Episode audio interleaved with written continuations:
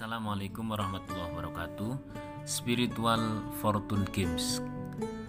Permainan spiritual yang dapat menghasilkan atau mengundang keberuntungan-keberuntungan. Kali ini kita akan berbicara tentang hal-hal yang biasa terjadi. Kali ini judulnya apa ya? Gambreng berpahala. Tahu sendiri kan gambreng itu namanya juga permainan. Permainan yang yang tidak usah pakai hati lah ya. Menang ya alhamdulillah. Kalah ya alhamdulillah Nah, ternyata itu penting di dalam kehidupan. Setidaknya nanti kita tidak akan gampang kemerungsungan dan e, malah justru mendapatkan keberuntungan begitu. Nah, yang akan saya ceritakan adalah seorang teman yang dia itu e, lupa jalan pulang pada saat di luar negeri, tidak bawa handphone, tidak bawa ATM, tidak bawa uang. Kondisinya sedang di luar negeri kala itu kalau tidak salah daerah-daerah ya India apa ya? India atau Sri Lanka begitu. Nah dia itu cerita pada saya dia mengatakan bahwa ah, saya masih diberi hidup berarti masih dikasih rezeki. Saya hidup di sini berarti rezeki saya di sini. Udah dia jalan saja. Nah dilalah atas permainan kesadaran seperti itulah ada saja yang terjadi. Mulai dia ketemu dengan sesama orang Indonesia. Ketika dia nyari masjid, ketemu di masjid dan dikasih makan dan sebagainya, bahkan ini dan sebagainya. Habis itu diantar dan sebagainya. Padahal sebelumnya pada saat dia takut-takutan, don nyari ke sana kemari, dia malah nggak menemukan pertolongan apa pun. Namun pada saat dibikin bermain, enjoy karena dunia ini bermain. Kita dari dari kemarin membahasnya itu, spiritual fortune games memang game spiritual yang dapat menghasilkan fortune. Ya, ternyata luar biasa, justru pertolongan datang pada saat kita meyakini bukan ya gambreng saja. Gambreng itu Yes, pokoknya gelundung saja. Bahwa ini kan saya hidup berarti kalau saya hidup ada rezekinya. Kalau saya hidupnya di sini berarti rezeki saya di sini. Ya udah aja jalan aja. Wayahnya sholat dia masuk ke masjid eh malah mendapatkan pertolongan. Padahal sebelum itu dia ke masjid, ia tidak dapat apa-apa. Dia tanya ke orang sana sini sampai kelaparan. Tapi pada saat membenahi level kesadarannya, terbenahi pula segalanya yang ada di luar ini. Itulah uniknya. Nah, apa bedanya dengan seorang yang ketika dirinya hilang terus menjadi gelandangan? Tentu saja bedanya ada di level kesadaran. Kalau gelandangan dia memputus asa terus akhirnya nggak ada sedikit pun keyakinan pada Allah, keyakinan pada Tuhan dia merasa bahwa hidup ini tidak ada yang ngatur merasa bahwa saya ini menelangsa dan sebagainya ya semakin nelangsa. Namun pada saat simpel aja saya masih hidup masih ada rezeki. Saya hidupnya di sini rezekinya di sini. Nah, ternyata malah hal itu luar biasa setidaknya dengan seperti ini permainan-permainan spiritual seperti ini keuntungan kita fortune kita itu yang satu ada di kesehatan. Nomor dua ada di tenangnya pikiran. Dan nomor tiga nanti rasakan saja ada saja jalan keluarnya ada saja pertolongannya. Saya kisahkan satu lagi. Kisah ini kisah ada di zaman dahulu. Namanya Syekh Hatim al Asom kala itu mau berangkat haji. Terus kemudian anak-anaknya termasuk istrinya itu nggak terima. Kenapa? Karena memang tidak ada bekal untuk yang ditinggal di rumah namun ketika itu ada salah satu putrinya yang solihah yang bagus ya bagus keyakinannya udah ayah kalau mau pergi pergi saja karena ayah bukan pemberi rezeki. Pemberi rezeki sejati adalah Tuhan Allah. Ayah pergi rezeki tetap datang. Hanya sesimpel itu. Ini kan permainan banget toh. Nah permainan-permainan seperti ini kalau anda mau memainkan ya silahkan. Tidak kalau Anda mau dipermainkan oleh perasaan yang tidak enak ya silahkan. Maka mainkan saja daripada dipermainkan oleh ketidakenakan mending kita yang main-main saja. Nah ketika hati Asam kemudian pergi apa yang terjadi? Si putri setelah tiga hari putri yang solihah ini yang baik keyakinannya ini dituntut sama saudari-saudari dan saudara-saudara ayo oh yang kemarin nyuruh ayah untuk pergi haji. Katanya nanti kalau uh, ayah pergi yang pergi itu adalah bukan pemberi rezeki. Sekarang rezekinya dari mana? Kemudian ini anak masuk ke dalam kamar berdoa. Ya Allah engkaulah yang pemberi rezeki. Ayah saya hanya lantaran. Hanya seperti itu saja. Simple ini kan benar-benar permainan. Kan ya dibikin enjoy bisa dibikin sepaneng ya silahkan. Kalau saya tak bikin enjoy dan hasilnya malah luar biasa. Nah dilalah datanglah tamu tamu itu adalah utusan dari kerajaan yang kemudian dikasih air minum. Ketika dikasih air minum minumlah dari situ. Kemudian si tamu tadi wah ini air minum ini segar banget. Ini beberapa hari yang lalu kerajaan itu kehabisan air. Bolehkah kemudian mulai hari ini kerajaan ambil dari uh, sumur di rumah ini? Ya boleh. Habis itu kemudian yang menjadi lantaran rezeki dari Allah justru dari kerajaan.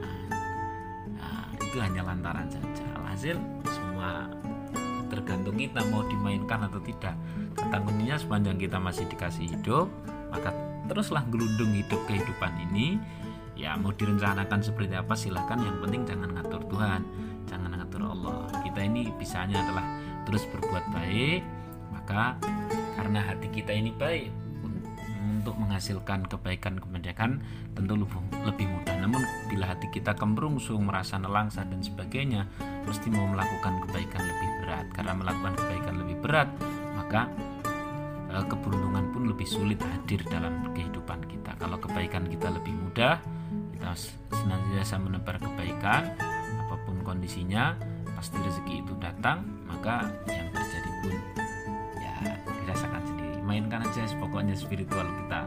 Sepanjang kita masih dikasih hidup ada rezekinya kita di mana rezeki kita di situ. Udah habis itu jalan aja. Nanti kan ada juga. Saya rasa cukup. Kalau ditanya nanti kalau jadi gelandangan bagaimana? Di level kesadaran itulah yang membedakan. Bila anda sadar bahwa ada Tuhan ada Allah subhanahu wa taala tidak mungkin terjadi sesuatu yang di luar kapasitas kita. Demikian uh, silahkan dengarkan sains dan penelitian ilmiahnya. Semoga bermanfaat Oke teman-teman, seperti biasa kita akan masuk ke bahasan yang logis-logis, yang sedikit ilmiah, yang berdasarkan teori-teori ilmu pengetahuan modern yang ada saat ini. Nah di kali ini bahasannya sebenarnya masih nyambung dengan apa yang pernah kita bahas sebelumnya. Teman-teman yang belum menyimak bahasannya sebelumnya, tapi langsung loncat ke sini, saya sarankan untuk kembali dulu menyimak bahasan-bahasan yang sebelumnya karena akan sangat nyambung.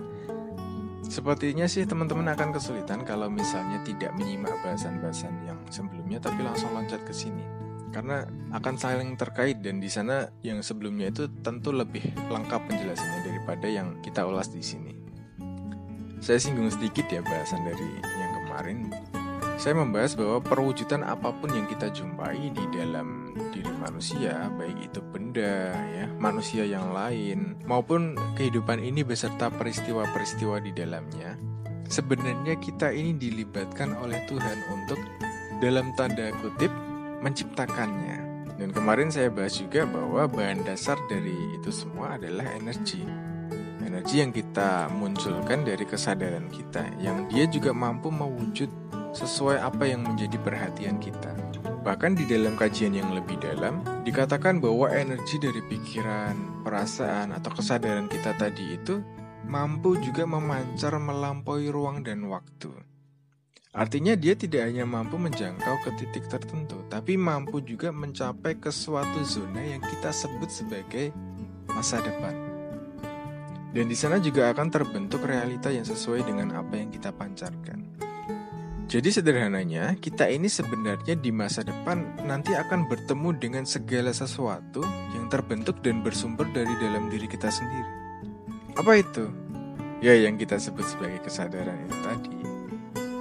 Nah pertanyaannya adalah, kita ini sebenarnya berharap, kita ini sebenarnya butuh untuk bertemu dengan kehidupan yang seperti apa sih di masa depan nanti? Itu pertanyaan yang cukup penting teman-teman.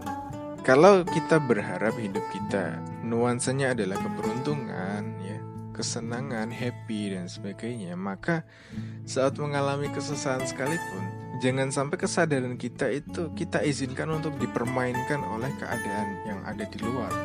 Semestinya kitalah yang memainkan kesadaran kita untuk tidak dikontrol, untuk tidak diatur oleh keadaan yang ada di luar diri kita. Kita mainkan saja itu. Pilih mana kira-kira? Kita memainkan kesadaran kita supaya tetap beruntung atau kita dipermainkan oleh ketidaknyamanan dan emosi kita? Yang jelas setiap pilihan kesadaran kita semua ada konsekuensinya. Energi kita akan terpancar keluar dari kita dan menjadi realita. Kalau kita memilih yakin bahwa suatu saat nanti akan ada jalan, akan ada pemecahan dari persoalan kita, dari kesusahan kita, maka itulah yang kemungkinan besar akan terjadi di masa depan. Dan bila kita memilih yakin bahwa kesusahan-kesusahan kita itu tidak ada obatnya, tidak ada pemecahannya, maka ya tahu sendiri. Teman-teman bisa menyimpulkan dari bahasan kita tadi. Bahkan di salah satu buku yang cukup populer di kalangan pemberdayaan diri yang mengkaji juga soal kesadaran, buku ini judulnya Power versus Force. Di sana menurut beberapa orang yang membaca dengan detail, disebutkan juga bahwa penyebab manusia mengalami kesulitan dalam hidup, kekurangan uang dan sebagainya, itu adalah karena rendahnya tingkat kesadaran orang tersebut atau mereka lebih dominan untuk mengakses perasaan-perasaan yang bergetaran rendah, seperti misalnya sombong, marah, dan juga takut, sedih, pesimis, dan sebagainya. Nah, yang jadi pertanyaan adalah apakah semudah itu kita memilih untuk happy, memilih untuk memainkan kesadaran kita? Ya, tentu tidak. Tapi di situlah kita bisa belajar bahwa penting sekali ternyata kita memiliki keyakinan bahwa semua itu sudah ada yang mengatur semua itu sudah dijamin oleh sosok yang maha segalanya. Yang kalau kita punya persoalan, punya masalah apa pun, bisa diselesaikan dengan mudah bahkan dengan cara-cara yang tidak bisa terjangkau oleh akal. Itu semualah yang sudah terkemas rapi yang kita kenal sebagai ajaran agama atau ajaran spiritual. Sehingga sekalipun seolah-olah mustahil secara akal kita atau secara nalar dan logika kita, kita tetap masih bisa melihat harapan, kita masih melihat potensi terjadinya hal-hal yang kita inginkan tadi. Nah, tugas kita satu, logika kita tolong dikesampingkan terlebih dahulu. Ya, atau bahasa kasarnya adalah otak kita tolong taruh di dengkul dulu. ya, makanya tadi Kang Riyad bilang bahwa pokoknya gelundung saja lah. Pokoknya jalan saja. Karena memang punya keyakinan bahwa semuanya akan baik-baik saja. Dan memang dengan mengesampingkan logika gitu tadi, kita justru akan mempersilahkan keajaiban itu untuk bekerja. Karena memang keajaiban itu sifatnya non-logis. Jadi ya begitulah cara memicunya. Bisa dipahami ya teman-teman. Jadi yuk kita atur sedemikian rupa pikiran kita, perasaan kita, dan kesadaran kita untuk mencapai kenyamanan semaksimal mungkin, se-enjoy mungkin, ya, se-happy mungkin Yakini saja bahwa selama kita bersandar kepada Yang Maha Mengatur, maka banyak yang sudah membuktikan bahwa hidupnya pun akan ikut teratur dengan sendirinya. Tugas kita berikutnya adalah, yuk kita buktikan dan latih diri kita untuk bisa mencapai level seperti itu. Sehingga secara spiritual kita aman dan juga yang akan menghampiri kita adalah pertolongan dan keberuntungan. Kembali lagi kata kuncinya adalah kita ingin dipermainkan oleh keadaan atau kita memilih memainkan kesadaran kita sehingga yang hadir adalah keberuntungan. Itu yang perlu kita tanyakan kepada diri masing-masing. Perlu juga dijawab oleh diri kita masing-masing. Mungkin itu saja yang bisa saya bagikan pada kesempatan kali ini. Mudah-mudahan bisa bermanfaat untuk teman-teman.